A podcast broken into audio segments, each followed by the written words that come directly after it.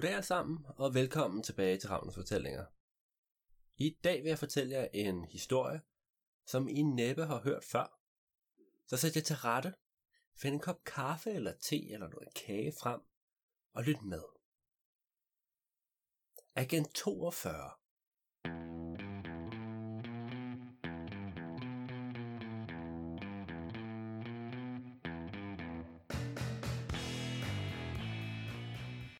Sidder I godt til rette?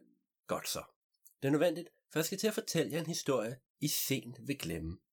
Den historie om den vigtigste agent, I aldrig har hørt om, nemlig agent 42.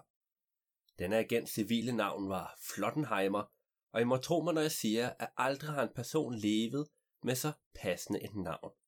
Ser I, Flottenheimer var nok den smukkeste agent, der nogensinde har betrådt denne jord, og det udnyttede han også til fulde. Han var lojal over for den hemmelige organisation DIMS, det vil sige Danmarks Internationale Multistrategi, og hver dag udførte han... Oh, uh, undskyld, jeg tror, jeg har glemt at slukke telefonen. Uh, der, var han, okay. Ja, hallo? Ja, goddag, det er Flottenheimer her. Flottenheimer? Nå, jamen goddag da, det var da spøjs. Jeg skulle lige til at fortælle en historie om dig. Ja, det, det hørte jeg, og det er jeg bestemt også glad for. Det, det hørte du? Hvad mener du med det? Hvordan? Er en hemmelig agent kan vel nogle knæb. Men det var ikke derfor, jeg ringede det. Jeg hørte bare, at du omtalte mig som han. Men jeg har faktisk altid følt mig mere non-binær, så jeg tænkte på, om du ikke ville være sød at bruge hende i stedet. Nå? Ej, det undskyld, det vidste jeg slet ikke, men hvis det er det, du ønsker, så, så vil jeg være en skarn, hvis ikke jeg gjorde, som du bad. Jamen, okay. Jamen, mange tak. Det var, det var bare det. Så må du have en fortsat god dag. Tak, og i lige måde. Øh, Hvordan kunne han, høre, han hen høre, hvad jeg sagde? Og det må jeg undersøge senere. Hvor kom det fra? Åh oh ja. Flonheimer var simpelthen så smuk, så smuk, at alle, som kastede et blik på hendes gyldne lokker og feminin skægstube, straks ville dåne i ren og skær forelskelse.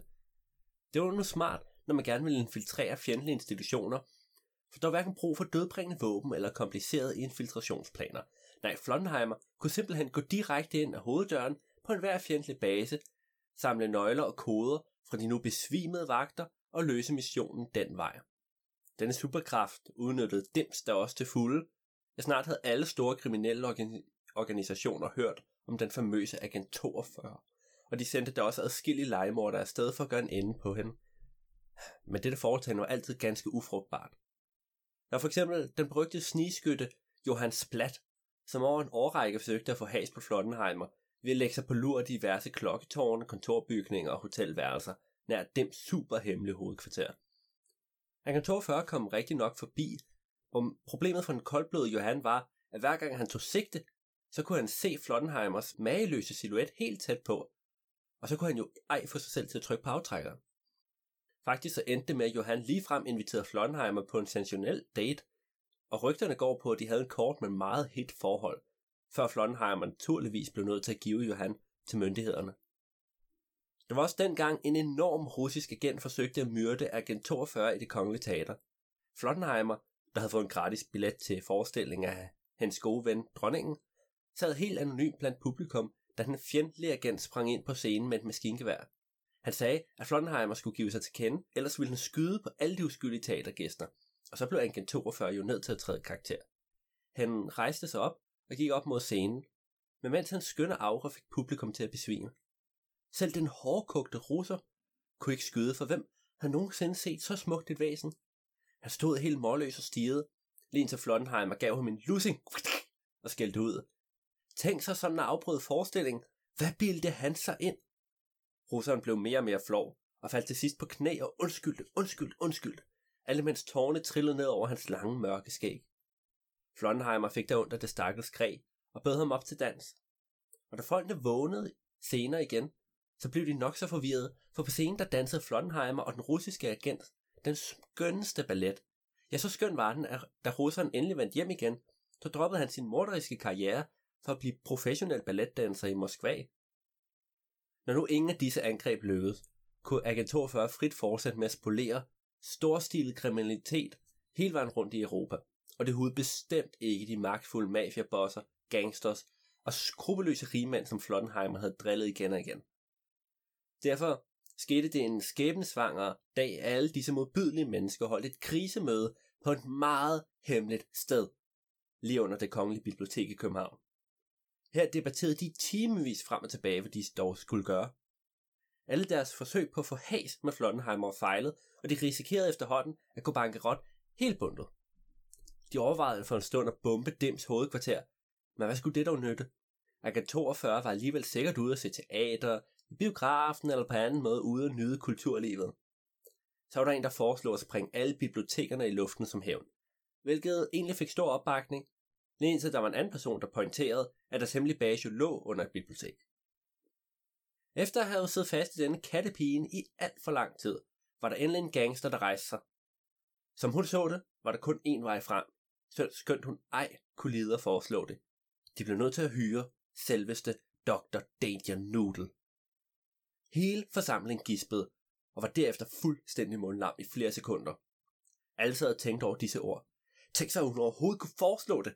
Men til modbydelig slange af en superskurk har verden aldrig set før eller siden. Men, ja, måske var det lige, hvad det havde brug for. Skønt alle i salen var ganske betænksomme ved det, endte det alligevel med, at forslaget blev stemt igennem, og snart gik det mest dramatiske kapitel i Flonheimers liv i gang. Det var en varm forårsdag, da igen 42... Hvad nu? Jeg satte den der på lydløs. Ej, I må altså lige undskylde mig et øjeblik. Ja, hallo? Ja, goddag, det er Flonheimer igen. Nu igen? Jamen, goddag så, hvad, hvad ved du? Oh, det er bare fordi, jeg kunne høre, du skal til at fortælle om en kamp mod Dr. Danger Noodle. Uh, ja, det er rigtigt. Altså, du mener dengang, at jeg blev taget til fange, havnet i hans hemmelige base, og alligevel besejrede ham? Ej, ej, nu afslører du, du jo det hele. Jo, men det er bare fordi, det altså slet ikke var det mest dramatiske øjeblik i mit liv. Nå, jamen, hvad var så? Og det var nok dengang, alle frisørerne lukkede ned. Ej, jeg kan ikke huske, hvilken krise var skyld i det, for jeg lå simpelthen derhjemme, badet i sved og angst over ikke at kunne få trimmet håret. Øh, okay. Jeg begyndte at få spalter. Spalter, hører du? Det var ganske forfærdeligt. Frisørerne åbnede heldigvis igen med, jeg tror bestemt, jeg blev traumatiseret af oplevelsen. Øhm, jamen, øh, så øh, siger jeg tak, fordi du uddybte det. Ej, det var så lidt, du. Jeg synes bare, det var vigtigt at få på plads. Nå, nu skal jeg ikke forstyrre dig mere. Øh, fortsæt endelig historien. Ja, det vil jeg gøre. Øh, tak, tak. Ja, ja, det må jeg undskylde. Jeg forstår altså ikke, hvorfor telefonen kan lyde fra sig. Nå, øh, det er lige meget. Nu er den sat på flysafstand. Lad os se. Ja, det var en varm forårsdag, da agent 42 lå på stranden og solede sig. Han havde glædet sig sådan til den tid, for vinteren havde været særlig lang og særlig våd det år, og der blev derfor ikke sparet på noget. Strandstolen var fundet frem, de smarte solbriller taget på, og hans androgyme krop smurte ind i økologisk solcreme. Flonheimer var for nylig blevet bedt om at teste en ny robotteknologi ud, og han var derfor ledsaget af en intelligent maskine af typen UFO, altså uforståelig forkortelse Omega. Da det firebenede greb var på højde med en labrador og havde en, en perfekt kvadratisk krop, gik det dog ikke længe før Flonheimer fik den idé, at den kunne bruges til at hente diverse drinks og cocktails i strandbaren. Efter Ufo havde hentet drinks for, for tredje gang, så skete der imidlertid noget meget voldsomt. Lyden af missiler kunne høres i det fjerne, og de badende gæster gik naturligvis i fuldstændig ukontrolleret panik. Da Agent 42 løftede solbrillerne, kunne han se, at missilerne var affyret ud fra havet, sandsynligvis fra en eller anden form for ubåd, og de fløj direkte mod stranden. Flonheimer sprang på benene og beordrede UFO at aflede missilerne, mens han ville forsøge at føre folk i sikkerhed. UFO nikkede en enkelt gang med karosseriet, så glasset faldt af, og den orange drink sævede ud af sandet, og aktiverede da sin skjulte vinger og en lille sød, afsindig kraftig jetmotor. Skreg motoren, og snart fløj robot afsted med en hast, der fik sandet til at vivle op. Da UFO nåede bølgerne, kunne man se, hvordan der blev dannet ringe i vandet, hvor den fløj, og så satte den kursen direkte mod missilerne. Lige da den skulle til at tro, den stage var talte, begyndte den at flyve i cirkelformet formation, alt imens der skød forskellige lysende kugler ud efter sig. Håbet var, at missilerne ville følge det kraftige lys eller de distraherende varmekilder, men det hjalp ej. UFO skiftede da taktik, og frem for dens flade front kom en lille kanon til syne. Den lagde sig da under missilerne og skød noget gulligt skum på deres undersider, Skummet var voldsomt klæbende og udvidede sig hurtigt til tredobbelt størrelse, hvilket ældrede missilernes ellers så strømlignede form. En efter en tvang luftmodstanden dem under vandet, hvor der snart kunne høres eksplosioner og ses mindre bølger forme. UFO skulle lige til at fejre sin sejr, da den opdagede, at der et stykke væk var en missil, der endnu ikke var stoppet. Missilet havde ikke fløjet samme vej og samme formation som de andre, og var derfor blevet overset. UFO satte jetmotoren på max og kursen direkte mod missilet, men var det nok til at nå det i tide?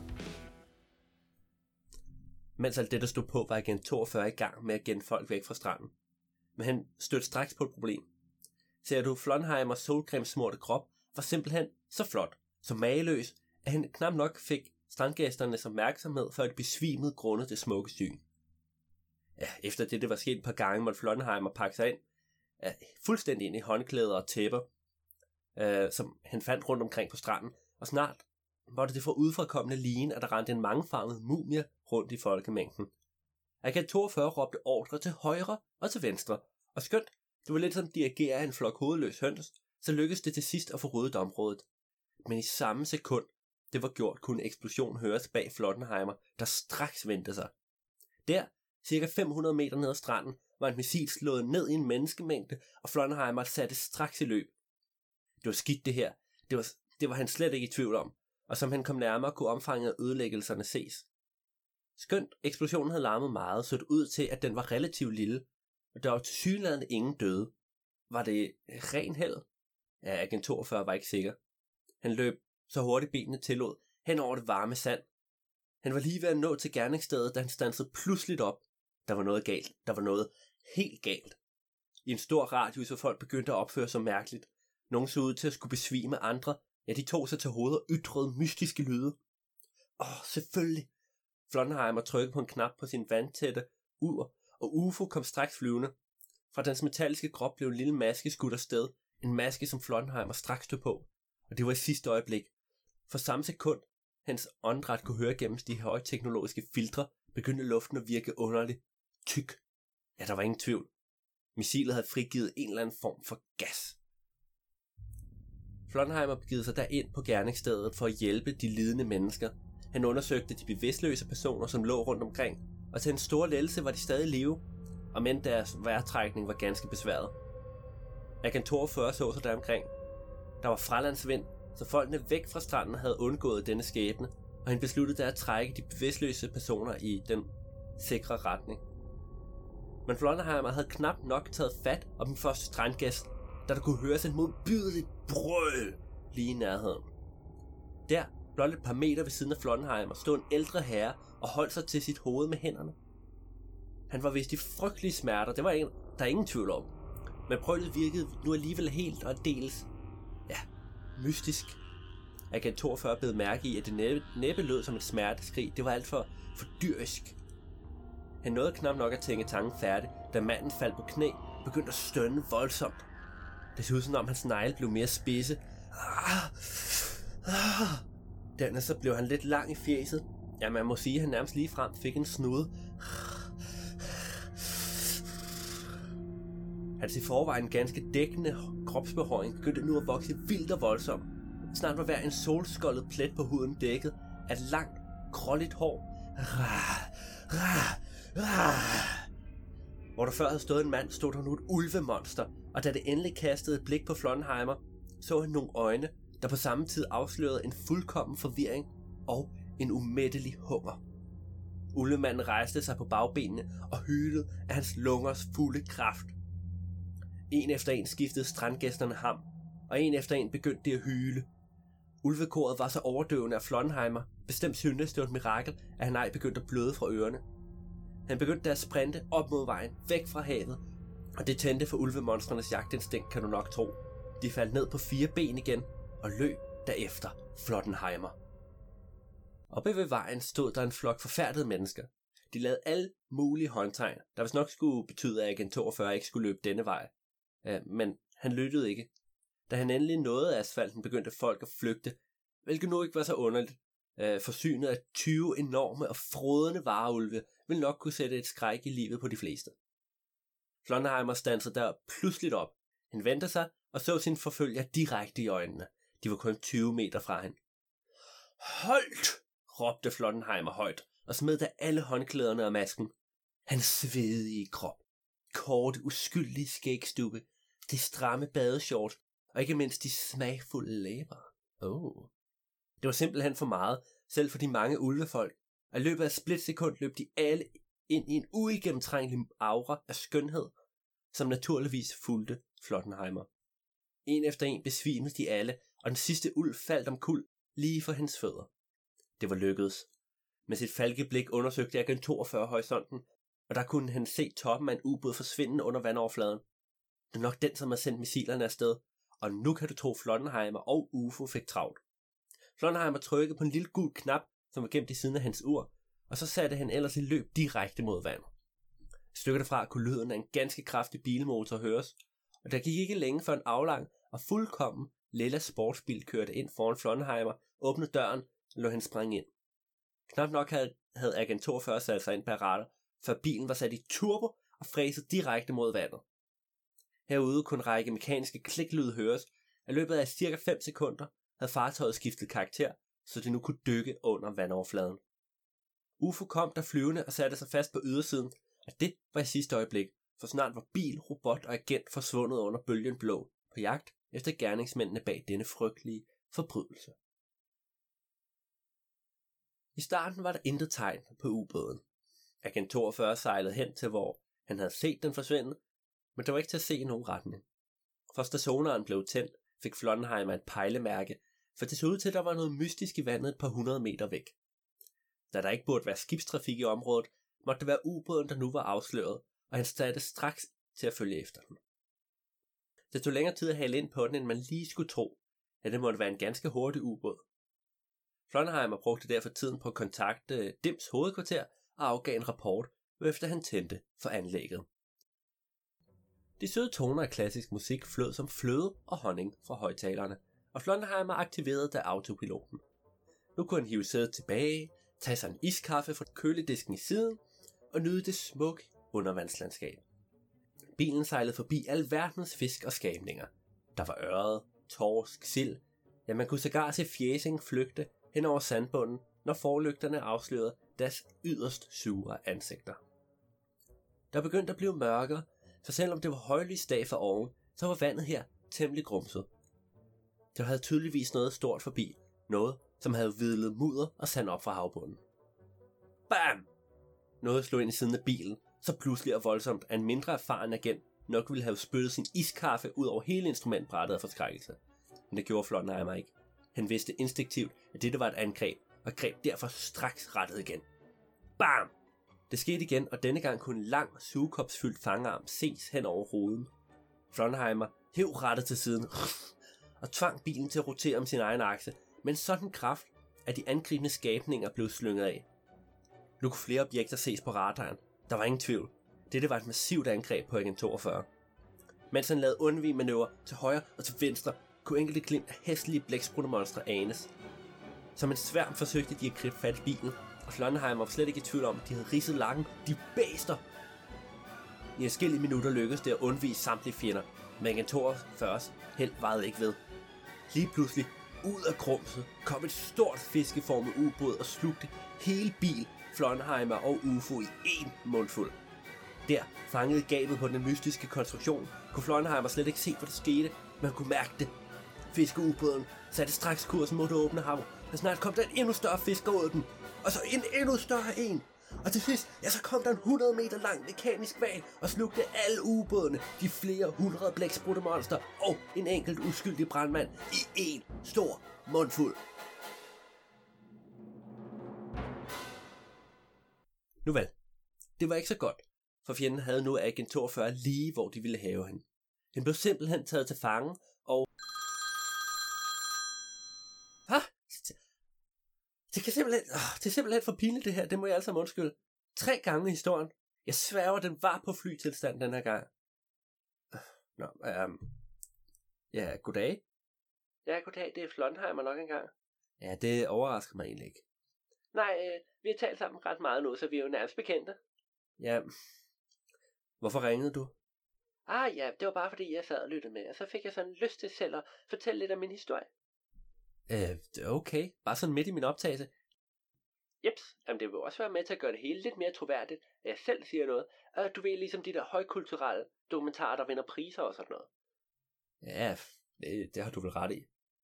Ja, så, så bare fortæl løs, ja. Jo tak. Ja, lad os se. Uh, jeg var lige blevet taget til fangen, og det var jo ikke så godt, ja. Og så inde i det store mekaniske monster, så kom der nogle ganske hæslige vagter og hævde mig ud af bilen. Men interkulturel hedning skal man lede længe efter, og de, oh, de havde ingen respekt for hverken musikken, der blev spillet, eller bilens særlige lille lak. De ridsede den, gjorde de. Ridsede den, siger jeg dig. Nå. Men altså alt det her, det førte mig bort derfra og længere ind i ubåden, og jeg siger dig, at de måtte have hyret det værste designer i verdenshistorien her. Det var i hvert fald ikke kælet for æstetikken, og jeg blev helt svimmel at se alle de eksponerede kabler, ledninger og rør. Nå ja, øh, inden længe så var jeg ført hen til en dør, og øh, oh, øh, det er min date, og jeg havde nær glemt den. Uhuh. ja, jeg skal, jeg skal drive en biograf med Tom Cruise, så jeg smutter nu. Vi snakkes ved. Hvad? Jamen, Flonheimer? Okay, øh, han har lagt på nu. Okay, øhm, jeg håber virkelig for, og det må jeg undskylde alle sammen, jeg håber virkelig, vi får fred og ro til at færdiggøre historien nu. Okay, okay. Det var ganske rigtigt, at Flonderheimer nu var ført ind i sin celle. Den store flagmuslignende vagter puffede hende ind i rummet og smækkede prompte døren bag hende. Cellen var, skal vi sige, sparsomt indrettet, med enkelt bunke aviser som det eneste halvblød, man kunne sidde i. Her satte agent 42 sig, og da han ikke var typen sådan til bare at give op, så begyndte han straks at lægge en plan. En plan, der endte med at have tre trin. 1. Slip ud af den celle. 2. Spoler slynglernes onde plan. Og 3. Så lægger ud undervejs. Del nummer 3 var naturligvis allerede dækket, og del nummer 2 mente og sagtens kunne løses, når først han slap ud herfra. Nej, det var faktisk flugten, der viste sig at være sværest, hvilket må siges at være ganske uvandt for Agent 42. Normalt kunne hun jo bruge sin fine stemme og sin smukke hundeøjne til at få alle enhver til at dåne eller lystre. Men det skete ikke her. For selvom vagterne kom og tjekkede op på Flonheimer med nogle timers mellemrum, lod de sig ikke besnære hendes smukke aura. Alle disse flagermusvagter havde bind for øjnene, og Flonheimer konkluderede, at det nok var derfor hendes normale fremgangsmåde slog fejl. Da vagterne havde været forbi tredje gang, tog han derfor sit armbåndsur af, vendte bunden i vejret på det og trykkede en kode ind i tre små knapper. Og pludselig så sprang det til live der i hånden på agent 42. Og ja, og det lignede mest af alt en blanding mellem en orm og en hundevalg. Dens entusiasme var ganske smittende, og da Flottenheimer adede den på glasset, ja, så begyndte det nærmest at lovre med selve armbåndet. Flottenheimer tog da hovedet helt ned til armbåndsuret og viskede en besked, efter den sprang af hånden og ned på det metalliske gulv. Her krøb den som en regnorm ud gennem en sprække under døren, og på den anden side satte den enderne sammen, så den kunne rulle ned ad gangen. Den forsvandt ud af hørevide, og i adskillige minutter sad Flondenheimer helt stille i cellen. I stillheden fandt han ro og tid til at tænke over situationen. Hmm, hvem kunne det være, der stod bag disse modbydelige angreb? Var det mafiabossen Bertram? Ah, måske trendsetter millionsvindler Anna Lebat? Eller var det Karl Snarlson, tidligere direktør i Ondskabens Bank? Der var så mange muligheder, så mange skumle organisationer og superskurke i verden, men Flonderheimer synes ikke rigtig angrebet, eller den her base var deres stil. Og den kombination af avanceret teknologi og dyrisk galskab ja, var helt anderledes. Med et blev Agent 42 reddet ud af sine tanker, for der var noget, der rumsterede uden for døren. Han rejste sig, gik hen til døren og bad lavmældt om værktøj til at lirke døren op. Gennem sprækken kom sådan et sæt redskaber til syne, og Flonderheimer gik straks i gang med den ædle kunst at bryde ud. Efter kun få minutter kunne et klik høres, og da han tog i håndtaget åbnede døren helt ubesværet. På den anden side stod UFO og armbåndsuret, og Flonheimer nussede og klappede dem begge som tak. Ej, I er bare så gode, I er så gode, begge to, I er så gode. Så tog han uret på igen, og gik der hastigt og helt lydløst ned ad gangen med UFO lige i hælene. Turen gennem de ensformige gange var ikke just spændende. Altså, jo, i starten var Flonheimer der forsigtig og sne som musestille sted, men det blev snart klart, at der ikke var en sjæl i nærheden, og det undrede hende gevaldigt. Hvor var alle vagterne blevet af? Han og Ufo ledte hele etagen igennem og fandt absolut intet vigtigt. De efterladte omklædningsrum, kabiner og kafeterier var ganske mistænkelige, ja, men udover en hurtig kop kaffe fik Flonheimer ikke noget brugbart til missionen. Efter at have vandret retningsløst rundt i en halv times tid, fandt de dog endelig frem til en trappe, som førte op, op til et nyt sted. Etage nummer 2 viste sig at være akkurat lige så interessant som den første, det vil sige overhovedet ikke. Men etage nummer 3 var anderledes. Det var tydeligt lige med det samme. Det første, der faldt i øjnene, var nok den dunkle og svagt rødlige belysning, som ledte tankerne hen til alverdens sci-fi film om onde robotter og dommedagsvåben.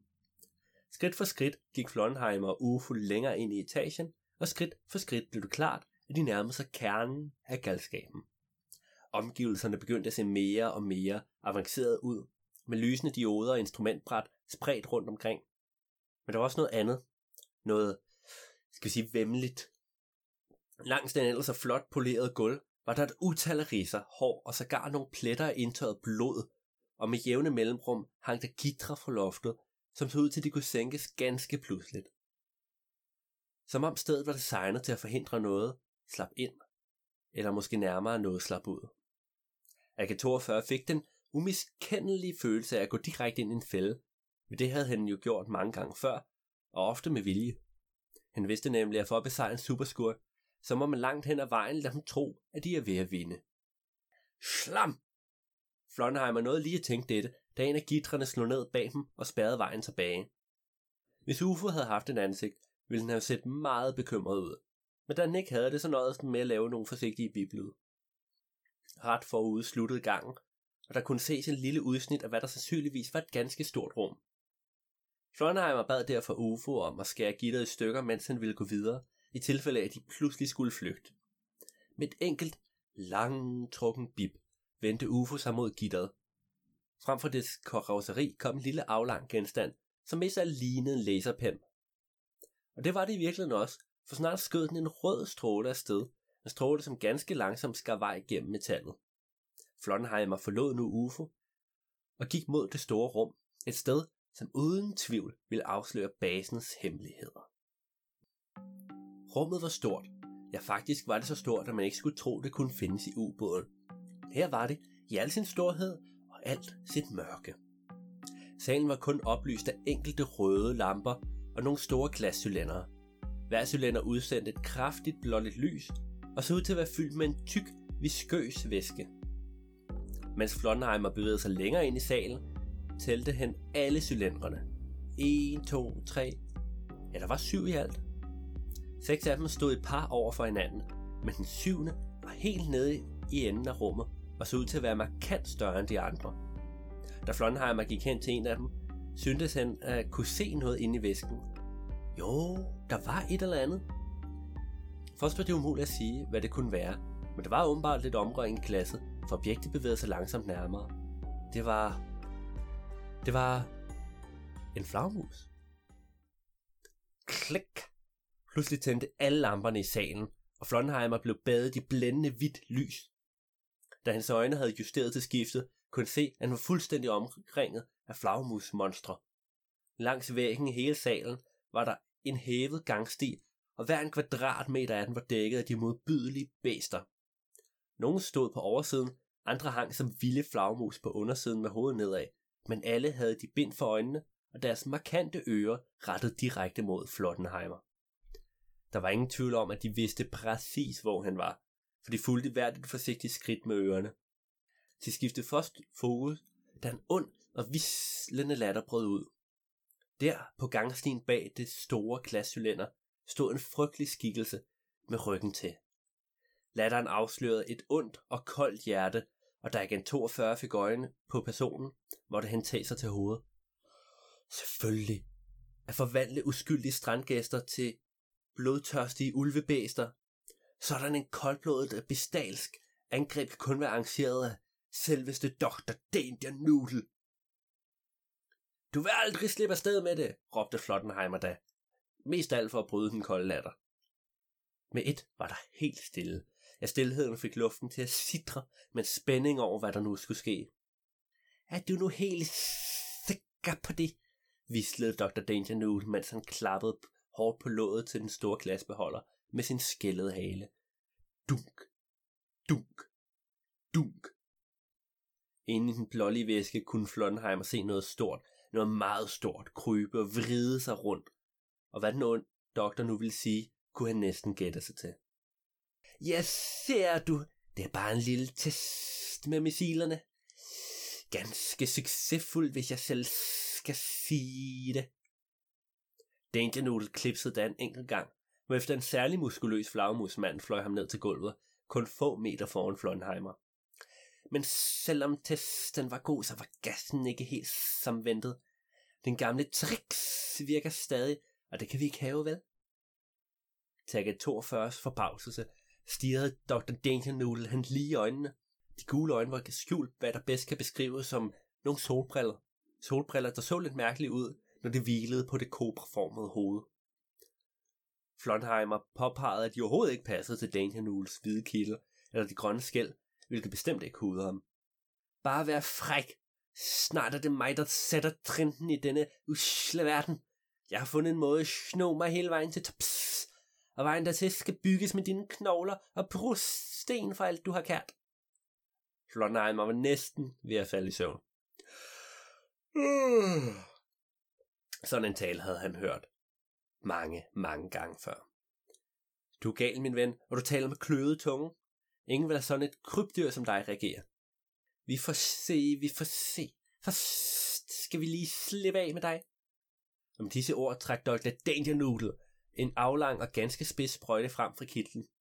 I den var der en væske, der ikke var helt ulig den, som kunne ses i de mange glasbeholdere, der agerede kulisse til dramaet. Nu ikke noget med at lave søde hundeøjne, de vil ikke hjælpe dig. Jeg er et geni, må du se. Ah, jeg har holdt øje med dig. Legenderne om din skønhed går verden rundt, men disse briller bliver alt omvendt. Haha! Sådan som du ser ud, vil det være en skam ikke at forvandle dig til en sød lille sno.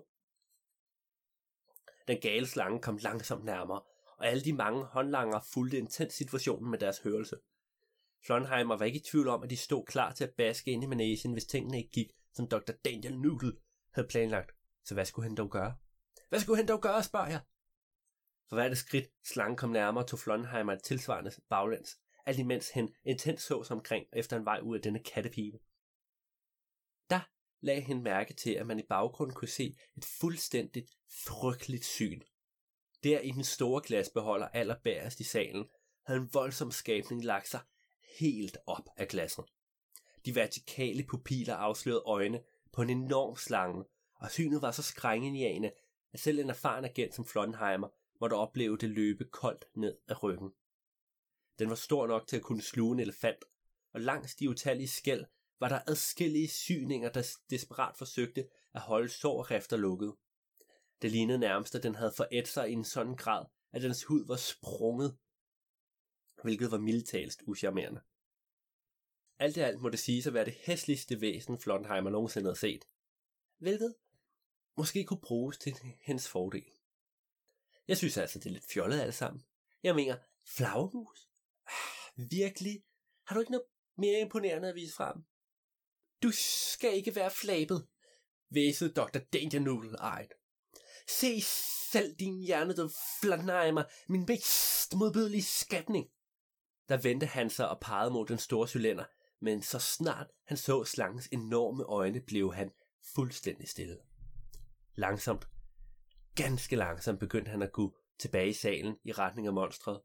Han gik nærmest i trance, men da der ikke var tegn på kamp, anede de utallige håndlangere til synlædende ikke uråd. Sikken et smukt væsen. Det er som en varm sommerdag, som en gudinde. Flonheimer kunne ikke lade være med at smile. Det så ud til planen virkede. Dr. Daniel Noodle blev ved med at nærme sig den enorme slange. Ja, han var fuldstændig forelsket i den. Agent 42 derimod holdt sig på behørig afstand. Det er en skam at holde dig fanget, min... Åh, oh, min skat, min rosenblomst. Nu begyndte nogle af flagermusene at rømme lidt på sig, for det var tydeligt, de ikke helt forstod, hvad de hørte. En af dem vågede sågar at fjerne bindet fra øjnene, men besvimede bræt, da den fik øje på Flonheimer. Dr. Daniel Noodle stod nu lige foran det store cylinder og lagde sin hånd på glasset, alt imens han stirrede direkte på slangen, helt fortabt i dens store mørke pupiller. uden at vriste blikket fra dens, så førte han sit lange snåede hale hen til instrumentbrættet ved siden af. Flottenheimer tog nogle skridt baglæns. Nu er du fri, min skat. Flagmusmonstrene blev helt urolige og begyndte at baske med vingerne. Flottenheimer tog et par skridt mere baglæns, nu hvor håndlangerne var distraheret. Dr. Danger fandt den store røde knap og trykkede ganske let på den. Og glasbeholderen sprang op. Og selv samme sekund kastede den enorme slange sig ud af cylinderen op i luften og landede lige ved siden af Dr. Danger Noodle, som den prompte slugte. Nu var panikken blandt flagermusene fuldstændig total, for slangen ud og ud, og de forsøgte alle at flygte. I kaoset havde Flonheimer set sin chance til at flygte, og han spændede afsted, ud af selv samme gang, han var kommet af. UFO var lige blevet færdig med at skære gitrede småstykker, og det var også i sidste sekund, for bag dem kunne slangemonstret høres, for det ville også finde friheden. Gennem hul i gitteret de sprang, hen over risse og hver en dørkamp de løb, for de havde travlt. Slangen var lige bag dem, og den var sulten. Sulten som et sort hul, der grådigt æder alt, hvad den kan komme til. Mens de løb, så skød UFO på diverse knapper, og nogle af dem fik nye gitre eller døre til at lukke sig bag dem. Det var ikke nok til at holde slangen fanget for evigt, men hvert sekund forspring blev taget imod med kysshånd. De løb og løb, og slangen var lige bag dem, og... Ej nu! Ah, nu må det simpelthen være nok. Kan jeg ikke engang få lov til at færdiggøre min historie i fred? Jeg satte på lydløs og på fløjtafstand! Og nu bliver ved med at ringe. Øh. Ah, okay. Ja, ja, for filen der. Hallo? Ja, hej det. Ja, hej, Flottenheimer. Nå, hvordan kunne du gætte det? Jeg havde det bare på fornemmelsen. Jamen men dog, hvilken intuition. Du skulle måske være blevet hemmelig agent. Anyway, jeg ringede egentlig bare, fordi jeg ville fortsætte min fortælling, men jeg hørte, du næsten er færdig med historien. Jeg blev nødt til at fortælle videre, når du bare sådan smutter. Åh, oh, ja, ja, det kan jeg godt se, og undskyld for det.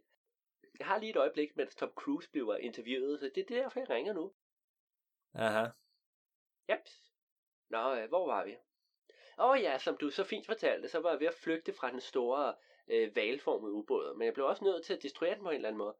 Jeg var så heldig, at jeg på vejen kom forbi, hvad der lignede en stor reaktor, men jeg havde ikke tid til at lægge store planer, fordi den der slange ting var jo stadig efter os. Ah, det korte lang var, at jeg formåede at lokke den til at bide i reaktoren, hvilket svitsede den af, og satte en kædereaktion i gang, og sprang hele ubåden i luften. Øh, ja, men hvordan slap du selv ud?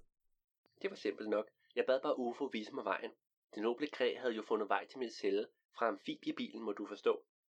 Kort efter vi undslap, sprang hele skidtet i luften, og siden da har ingen hørt eller set noget til den slange til Nudel. Var det virkelig ikke mere kompliceret end det? Niks. Det komplicerede var at fikse bilens lak bagefter, det kan jeg godt sige dig. Ja, okay. Jamen, tak fordi du afsluttede historien, tror jeg nok. Jamen, det var så lidt. Men øh, inden jeg smuttede, så tænkte jeg lige på noget. Ja, hvad, hvad var det? Ej, det var bare fordi, jeg havde sådan lidt dårlig samvittighed over sådan at skride midt i vores snak lige før, så jeg vil spørge, om du ikke har lyst til at komme ud til en lille teaterdate med mig her senere i dag. Øh, som en undskyldning fra mig til dig. Øh, jo, det kunne vel være hyggeligt nok. Super. Jamen, så kommer der en helikopter og samler op om lidt. Lige om lidt? Jeg, jeg er jo ikke færdig. Jeg skal jo lige nå at afslutte episoden. Så har du travlt. Jeg lægger på nu, så du kan ordne det der outro. Vi ses i aften. Øh, ja, det gør vi. Øh, Okay, det var ikke sådan, jeg lige havde regnet med at afslutte historien, men øh, det, det må vel gå an.